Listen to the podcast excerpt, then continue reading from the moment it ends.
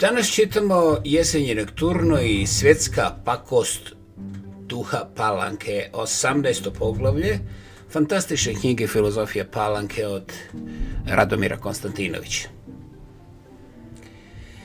Erotski nagon ovdje se zbog toga javlja kao osnovni, jer kao prvi, najkraći, najefikasniji put ka iracionalnosti, onako kako se iracionalizam tijela javlja nužno prije svega kao i racionalizam njegove erotske moći, ali i sa onom nužnošću s kojom strah od ove inače, od ovdje inače htenog i racionalizma vodi erotizmu kao prvoj njegovoj fazi, kao fazi prelaznoj između simbolički racionalizovanog potiskivanjem abstrahovanog bića ka biološkom i racionalizmu. Erotizam je dozivanje ovog iracionalizma, želja za njom, ali ne i sam taj iracionalizam. Ona je prva stidljiva forma iracionalizma, prvi stepen njegovog upoznavanja u mašti koju odlikuje, odlikuju i krase ponovo sve oznake infantilizma, oprostite, infantil sve oznake infantilizma kao stanja duha u podčinjenosti, a pobunjenog protiv nje sa strahom od iste podčinjenosti, sa stidom kao strahom od kazne zbog otpadništva prekršaja. San je san o ljubavi u prirodi, koja je u prirodi jedino moguća onako kako je i tijelo moguće samo u prirodi, kako je i racionalizam moguć samo izvan svijeta palanke. Duh produžava ovdje svoju identifikaciju sa svijetom, uzimajući i dalje sebe za sam svijet, onako kako se naučio u svojoj svevlasnosti. Logički, on je paradoksalan svijet koji pokušava da izađe iz svijeta, ostajući ono što jeste svijet. Stvarno, on pokušava da izađe iz palanke kao racionalnosti u prirodu gdje je prirodno njegovo tijelo kao sama i racionalnost. San ljubavi je san o od ljudi, o spasenju od njih, njihovog prisustva, čak i njihovog pogleda. Ljudi koji žele da se ovdje napuste ovim bekstvom u prirodu nisu samo javnost trajno dnevne svjetlosti koja ne dozvoljava nikakvu tajnu, pa tako ni ljubav koja je tajna utoliko više što je palanka više palanka. Oni su samo čovještvo koje ovdje želi da se napusti, a koje se shvata kao čista racionalnost.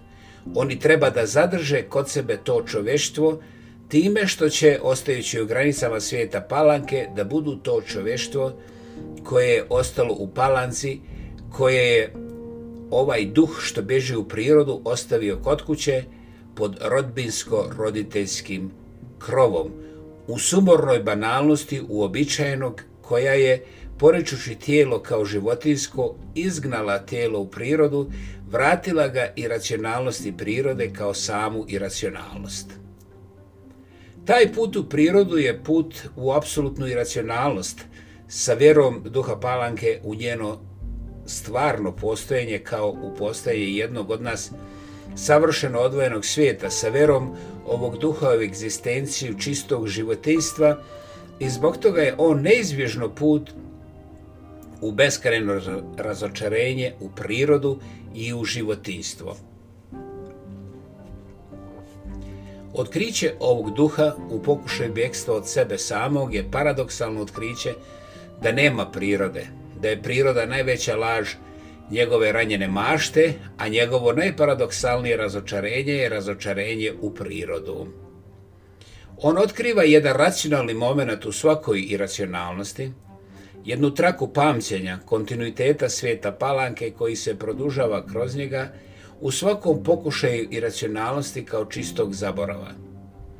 Ljubav koju on traži nije njegovo samonalaženje kroz preobražaj u odnosu sa drugim bićem, niti je ona uopšte okrnuta tome samonalaženju. Ona je nadahnuta idejom samozaborava, potpunim raskidom sa svješću, ne samo kao sa svješću o svome svijetu koji se htio da napusti, već i sa svješću o sebi samom. Ljubav nije otkriće, pa u tom smislu i saznavanje.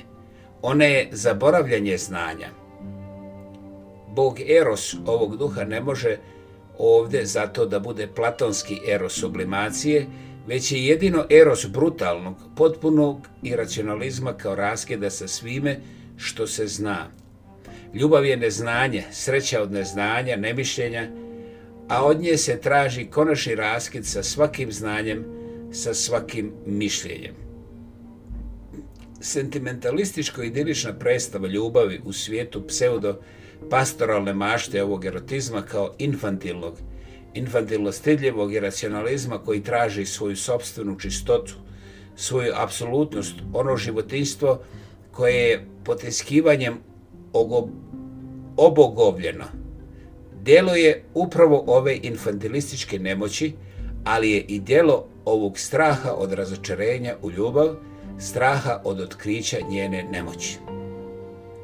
Ova prestava otuda je prožeta uvijek idejom o nepovratku iz svijeta prirode u svijet palanke i shodno ovom neizlečivom infantilizmu, bez koga duh palanke nije ono što jeste i koji je raspolučenost između vjernosti nad ja, racionalno kolektivističkog duha palanke i vjernosti iracionalnoj prirodi, ali i ova palanački infantilna vjera u apsolutno životinstvo, čisto od čovještva onako kako je čovještvo čisto od njega.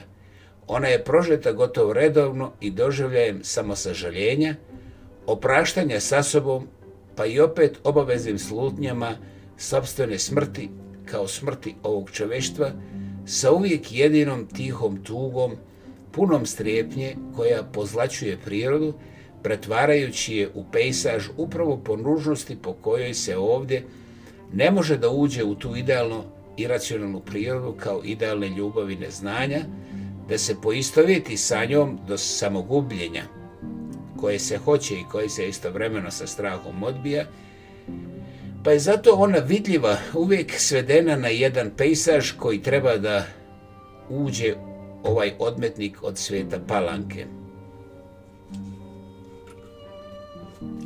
Motiv pejzaža, koji je čest u praksi duha palanke, jeste prije svega motiv ove racionalizacije iracionalno nevidljive unutrašnje prirode, njenom eksteritorizacijom, njenim uobličavanjem koje ide iz straha od bezobličja prirode, koje međutim mora da se hoće samim htjenjem ove obogovljeno iracionalne vanoblične prirode. Na isti način i iz istog razloga dolazi do samo sagledavanja ovog palanačkog prevratnika, tajnog vjernika prirode koji sebe ubacuje u prirodu kao sliku u sliku u ovo samo ubacivanje, samo zamišljanje je u funkciji njegove samosvisti, njegove lične vidljivosti, njegovog osjećanja svega sobstvenog prisustva, svoga sobstvenog prisustva kao tuđeg objekta iz svijeta palanke, koji, osvjetljen svjetlošću duha javnosti, duha uvida u sve, jeste tako osvjetljen, vidljiv i za samog sebe, a ne samo za druge. Ali ovo objektiviranje njegovo je i dijelo straha od životinstva koje ide na sastanak sa samim sobom, koje je otpadnički zavereničko u odnosu na čovještvo, ostavljeno ljudima u svijetu palanke, a ne manje i djelo objektivne situacije – Subjekt ove prirode po svojoj iluzorno infantilne predstavi o njoj, po svojoj želji, on nije i njen stvarni subjekt. On vidi sebe onako kao što vidi i samu prirodu. On je jedan usamljeni čovjek u pejsažu kao u nemoćnoj njegovoj, ali i nemogućoj prirodi, u koju on ne smije, ali ne može da stigne ograđen od nje svojom pojedinačnošću koja je izuzimanje od svega i koja upravo zato jer je izuzimanje nije subjektivno tvoračka pa zato i ne poznaje ovu prirodu koja je istovremeno erotska priroda prirodnog tijela, ali i ova simbolička priroda što nezadrživo stremi njegovim strahom pojedinačnosti svome daljem sublimisanju. Pardon, simbolisanju. Duh plemenski ne priznaje ne poznaje prirodu. Ali ne samo zato što živi u njoj, a ne u svijetu palanke. Radom uvrižen u nju, već zato što je jedna apsolutna subjektivnost po sebi neugrožena pojedinačnošću i njenim izdvajanjem od ove apsolutne subjektivnosti. On ne vidi prirodu jer ne vidi sebe apsolutno subjektivan, on se ima kao svijet bez znanja o tom imanju. U autentičnoj svojoj subjektivnosti on je čista autentičnost, pa zato i čista priroda, samo tamo gdje je autentičnost ugrožena rađa se priroda. Njene šume i polja niču u basnoslovnim prizorima i sumnjive autentičnosti subjekta. Slom apsolutnog subjektiviteta jeste put u ovo viđenje prirode. Razdvajanje subjektiviteta jest razdvajanje prirodnog od neprirodnog, iracionalnog od racionalnog, put u osjećaj nejedinstva i pobunu protiv njega, ali i pobunu koja je nemoćna onako kako je ova van subjektivnost nemoćna da postane stvarna subjektivnost. Njen stvarni ulazak u prirodu bio bi u stvari njen ulazak u sobstvenu subjektivnost preobražajem koji je preobražaj datog. Pobunjen protiv svoje usimbolisanosti, protiv u abstrahovanosti svoga tijela neprestanim sistemom racionalizacije, a pojedinačno netvorački, on je izvan stvarne sfere stvarnog preobražaja sebe samog, svog sobstvenog ja, drugim ja ja subjektiviteta kao samog ja univerzalnosti pa time i stvarne, a nužne simbolizacije i sublimacije na putu ka ovom stvarnom jedinstvu ljubavi. On zato nije duh simbolisanja, već usimbolisani duh koji stvara simbole, znake svijeta koji ostaje izvan njega, taj vidljiv svijet kao vidljiva priroda onako kao što je on u svojoj van sebnosti, također vidljiv izvan samog sebe. Ovaj svijet naseljen mrtvim simbolima, znacima koji su izvan stvarne simbolizacije kao stvarnog tvoraštva, stvarno preobražavalačke ljubavi i koji se u svojoj u pojedinačnosti protivi svakoj stvarno tvoračkoj simbolizaciji i sublimaciji, je svijet njegove nemoći koja će ga odvesti ili jedan jarosnom otkriću da je prevaren, da u svijetu nema više ljubavi ili dva, da je njegova ljubav mrtva pa zbog toga za njega nema ljubavi. U oba slučaja on je osuđeno osporavanje ljubavi u stavu žrtve neuslišenog ljubavnika, iako je osnovni njegov stav onaj koji ga je vodio u prirodu, čisto porisanje ljubavi onako kao što je poricanje jezika, jer je pokušaj poricanje svake simbolizacije, a također i sublimacije u teži za idealno iracionalnim kao idealno životinskim koji je u svom nepostojenju jedno odsustvo i kao takvo čista protivnost, sila praznine koja se protivi svakoj ljubavi onako kako se protivi svakom jeziku i zato što se jeziku protivi.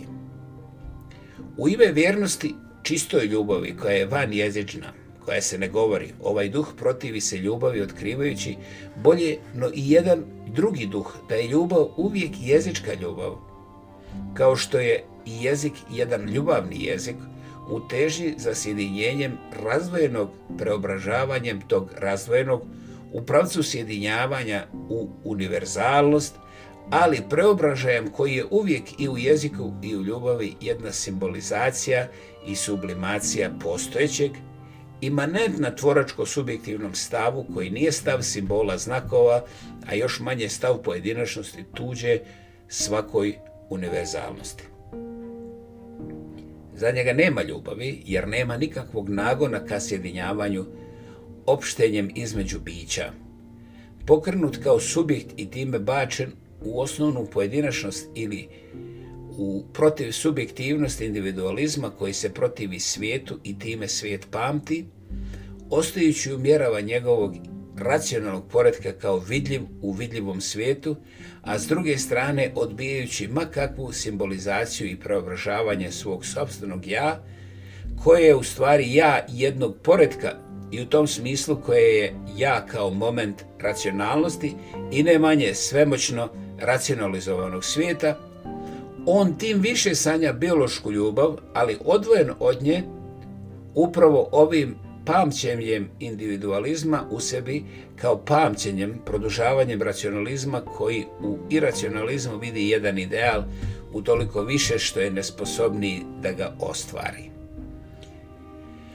Ljubav je nesrećna, saznanje nesreće jer je individualizam nesrećan za nju, ali ona je nesrećna ili čak uopšte je i nema, jer nema moći za ulazak u ovakav apsolutni iracionalizam iz koga više nikad neće biti povratka, kao povratka iz prirode u grad.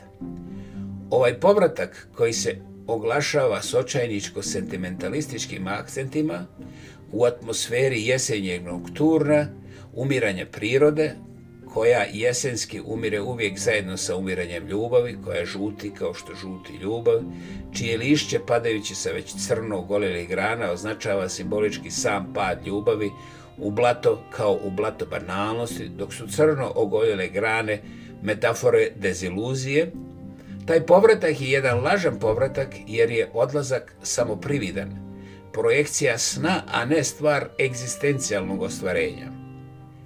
Banalnost je svevlasna i neprekinuta od samog početka. Ona je zajamčena stavom ovoga duha koji odbijajući makakvu simbolizaciju u svojoj upojedinačenosti koja sanja povratak idealu nemogućem životinjstvu, podržavajući ovim snom svoju vansebnost kao netvoračku, nužno doziva banalnost onoga što jeste, van ljubavnog svijeta, duha koji ne može da se trajno usili u svijet iracionalne prirode, i to ne samo zato što takvog trajnog useljenja nema, već je zato što se njegov individualizam tome protivi. On je žrtva kolektivno uopštavajuće simbolizacije tek tu u času kad se pobuno protiv te simbolizacije okreće protiv sobstvene ljubavi i tako vraća banalnosti kao onome što jedino ne pristaje na simbolizaciju kao talogu egzistencije koji utoliko ostaje ono što jeste, ne može biti simbolisan. Beznađe kome se prepušta ovaj duh onemogućene ljubavi jeste posljednji govor te onemogućenosti, ali i posljednji pokušaj odbrane od banalnosti. On postaje neka vrsta zamjene, a ne banalnost za nebanalnost ljubavi, za njenu tajnu, mala tajna ličnog razočarenja, takozvane privatne tragedije koja je tragedija ljubavna, sa cvjetovima otužno gorkog mirisa što cvjetaju po nestvarnim poljima duha palanke. Sentimentalizam je ovdje melanhonični izraz neostvarene životinje koja, jadikujući za ljubavlju i pod maskom za sebe samu, maskom koja navlači strah od željeno i racionalnog, jadikuje za nedosegnutim životinstvom, nesposobna čak i da se prepozna u sebi samoj. Banalnost koja se kao motiv ponovno ovdje javlja prihvata se sada svjesno kao izraz ove slomljene ljubavi, ovog slomljenog srca koje ponovno u hladnu jesen zamišlja spuštanje sobstvenog ohlađenog tijela u hladnu zemlju po kiši, obavezno gdje je duh palanke tu pada kiša, koja briše sve tragove, koja će izbrisati i grob ove ljubavi kao posljednji trag među svim ovim tragovima i koje istovremeno oličava i države propasti, poraza, ali i posljednje dozivanje potpunog zaborava onoga koji se nije našao u prirodi. Banalnost je crna, prezrena banalnost, ali svejedno prihvaćena banalnost. Ovaj duh poražene ljubavi, u stvari nemoguće prirode, Poražene životinje koja je kroz čistu svoju telesnost oslobođena od svega, a rada se od jezika, pokušala da se vrati sebi u predsvesno, predlogično, arhaičko stanje, jedino na taj način sada može da prihvati banalnost kao dokaz svog sobstvenog pada. Banalnost se ovdje otkriva kao nešto niže, nešto poslije tragičnog povratka iz svijeta prirode, kao svijeta obećanog zaborava, ali ona se svejedno prihvata ponovo u stavu posrnulog anđela. Ja. Motiv čiftinstva kao motiv stvarno dostižnog i zbog toga stvarno banalnog javlja se i ovdje, ali sada kao naglašeno subjektivan motiv na koji način u ovoj svijesti o sobstvenoj posrnulosti o vraćanju bez nade na spasenje, u banalnost uobičajenog subjekt ovoga čiftinstva može da se objektivira, da u izvjesnom stepenu izađe iz sebe, da se nad sobom uzdigne i da samog sebe vidi izgubljenog u mrtvoj nizi čeftinstva. Ako ovome ne slijedi stvarni preobražaj na putu ka oslobođenju od netvoračkog individualizma, ka subjektivnosti pa i ljubavi, to je zato što ovaj duh neće taj preobražaj jer hoće upravo ovo izlizanje iznad samog sebe kao banalnog, ovu svijest o banalnom, kao svijest o sobstvenom porazu, svijest koja će da učvrsti taj poraz, samu bezizglednost, ali koja će na neki način da bude i alibi zbog apriornog odricanja od svakog budućeg pokušaja spasenja od banalnosti. Ova optužena, osramoćena banalnost optuživanjem se veliča i učvršćuje u njoj samoj, oglašava za božanski, božanski nadmoćnu, odgovornost pred sobstvenom ljubavlju, pa time i pred zahtjevom za sobstvenom egzistencijom kao njenom subjektivnošću koja je svjetska, upućivanje u svijet pa time i nebanalna jer je nezatvorena. Na taj način se umanjuje ili potpuno ništi. Odbacivanje ljubavi u ime banalnosti kao Libija za osustvo ljubavi jeste odbacivanje svijeta, a ovo traženje alibija jeste izraz nužnog zahtjeva za ljubavju kao univerzalnošću samim svijetom, jer kao zahtjeva sebe same egzistencije za sobom samom.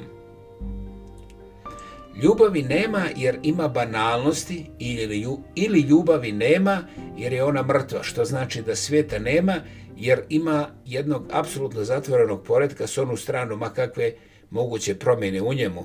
Ljubav je mrtva kao što je svijet mrtav jer je živ ovaj poredak. Otpor svijetu pretvara se ovdje u otpor ljubavi. Očajanje kojim se taj otpor proglašava jeste ponovo lažno očajanje jer je sredstvo ovog učušćivanja u banalnom svijetu. Motiv mrtve drage kao motiv plave prošlosti bezazlenih ljubavnika koji su se predavali ljubavi naivno berući cvijeće na samom vulkanu banalnosti i uopšte svakojake niskosti svijeta, bližih i tako dalje, može zato često da se javi ovdje kao prizemno uprošćen alibi pred zapovjestima protiv banalne ljubavi, ali i kao pokušaj objektivacije sobstvene ljubavne nemoći, kao pokušaj eksteritorizacije smrti ljubavi, smrti svijeta, smrti univerzalnosti koja se ovako baca u istoriju na groblje. Ljubav je mrtva, mrtva draga čiji grob pohađa ljubavnik, jer je prošla ljubav ona koja je bila mogućna samo u prošlosti zato što se odbija u sadašnjosti, što se poriče u budućnosti kao nemoguća jer je mrtva, u nemoći za nju, u strahu od priznanja te nemoći, ali i u strahu od nje. Ovakve istorije, sasvim fiktivne, jesu hrana produženog infantilizma koji je nemoćan za ljubav i zato moćan za optuživanje drugih. Ti drugi, zloba svijeta, svjetska pakost, uvijek su duhovno niži, jedan brutalno banalan svijet mržnje, krivci su, krivci su grobari ljubavi. Oni su žrtve ovog duha, žrtvovanog banalnosti zatvorenog svijeta palanke, u koji se ovaj duh, kao duh individualizma, u stavu pamfletizma ponovo objektivira i tom objektivacijom ispoljava ponovo kao duh pamfletizma, duh povezivanja mržnjom, a ne duh samoostvarivanja univerzalizmom ljubavi. Onemogućena ljubav ovdje voli mržnju i traži njenu istoriju. Ona ide u tu istoriju ne bi li se istorijski ograničila i tim odvojila od problema apsolutne ljubavi kao problema svijeta univerzalnosti, odnosno od suočavanja sa ovom sviješću o nesposobnosti za nju kao takvu ova životinja koja je prošla na sastanak sa sobom, ali sebe nije našla, zato je uvijek uprašena crnim, uvenulim karanfilom ojađenog ljubavnika i tuđe žrtve. Taj sasušeni karanfil je posljednji cvijet prirode, simbol njene nemogućnosti koja se proglašava za njenu smrt. Mi i ne živimo, mi smo mrtvi. Sa nama umrle su sve naše iluzije. Motiv deziluzionizma kao bitni motiv čiftijskog duha neizbježno se ponovo javlja. To je motiv velikog konačnog razočarenja u svijet, motiv izigrane nade koja pojačava van egzistencijalnu sigurnost žrtve lišene svake odgovornosti. Razočaran u egzistenciju, ja se povlačim iz nje sklanjajući se od svakog iskušenja i svake opasnosti koju ona donosi. Povlačim se pre svega iz ljubavi kao egzistencijalne egzistencije. Ja sam ili izgubljen čovjek koji traje, živ i poslije svoje smrti, ili i mnogo češće jer prihvatljivije za duh palanke, ja sam čovjek familjarno banalne, uobičajene ljubavi kao ljubavi za predanost, žrtvu, samo pregor kojim okajavam svoju jalovu pobunu u svijetu palanke kao u svijetu jednog velikog manastira u kome će u asketskoj pogruženosti da mi prođu pisani dani. Ja sam predan i zato ne govorim. Ja se ugrađujem, utapam u svoj krug prepuštajući mu se sa tihom rezignacijom sve dalji od jezika jer sve dalji od ljubavi, u stvari sve dalji od iluzije.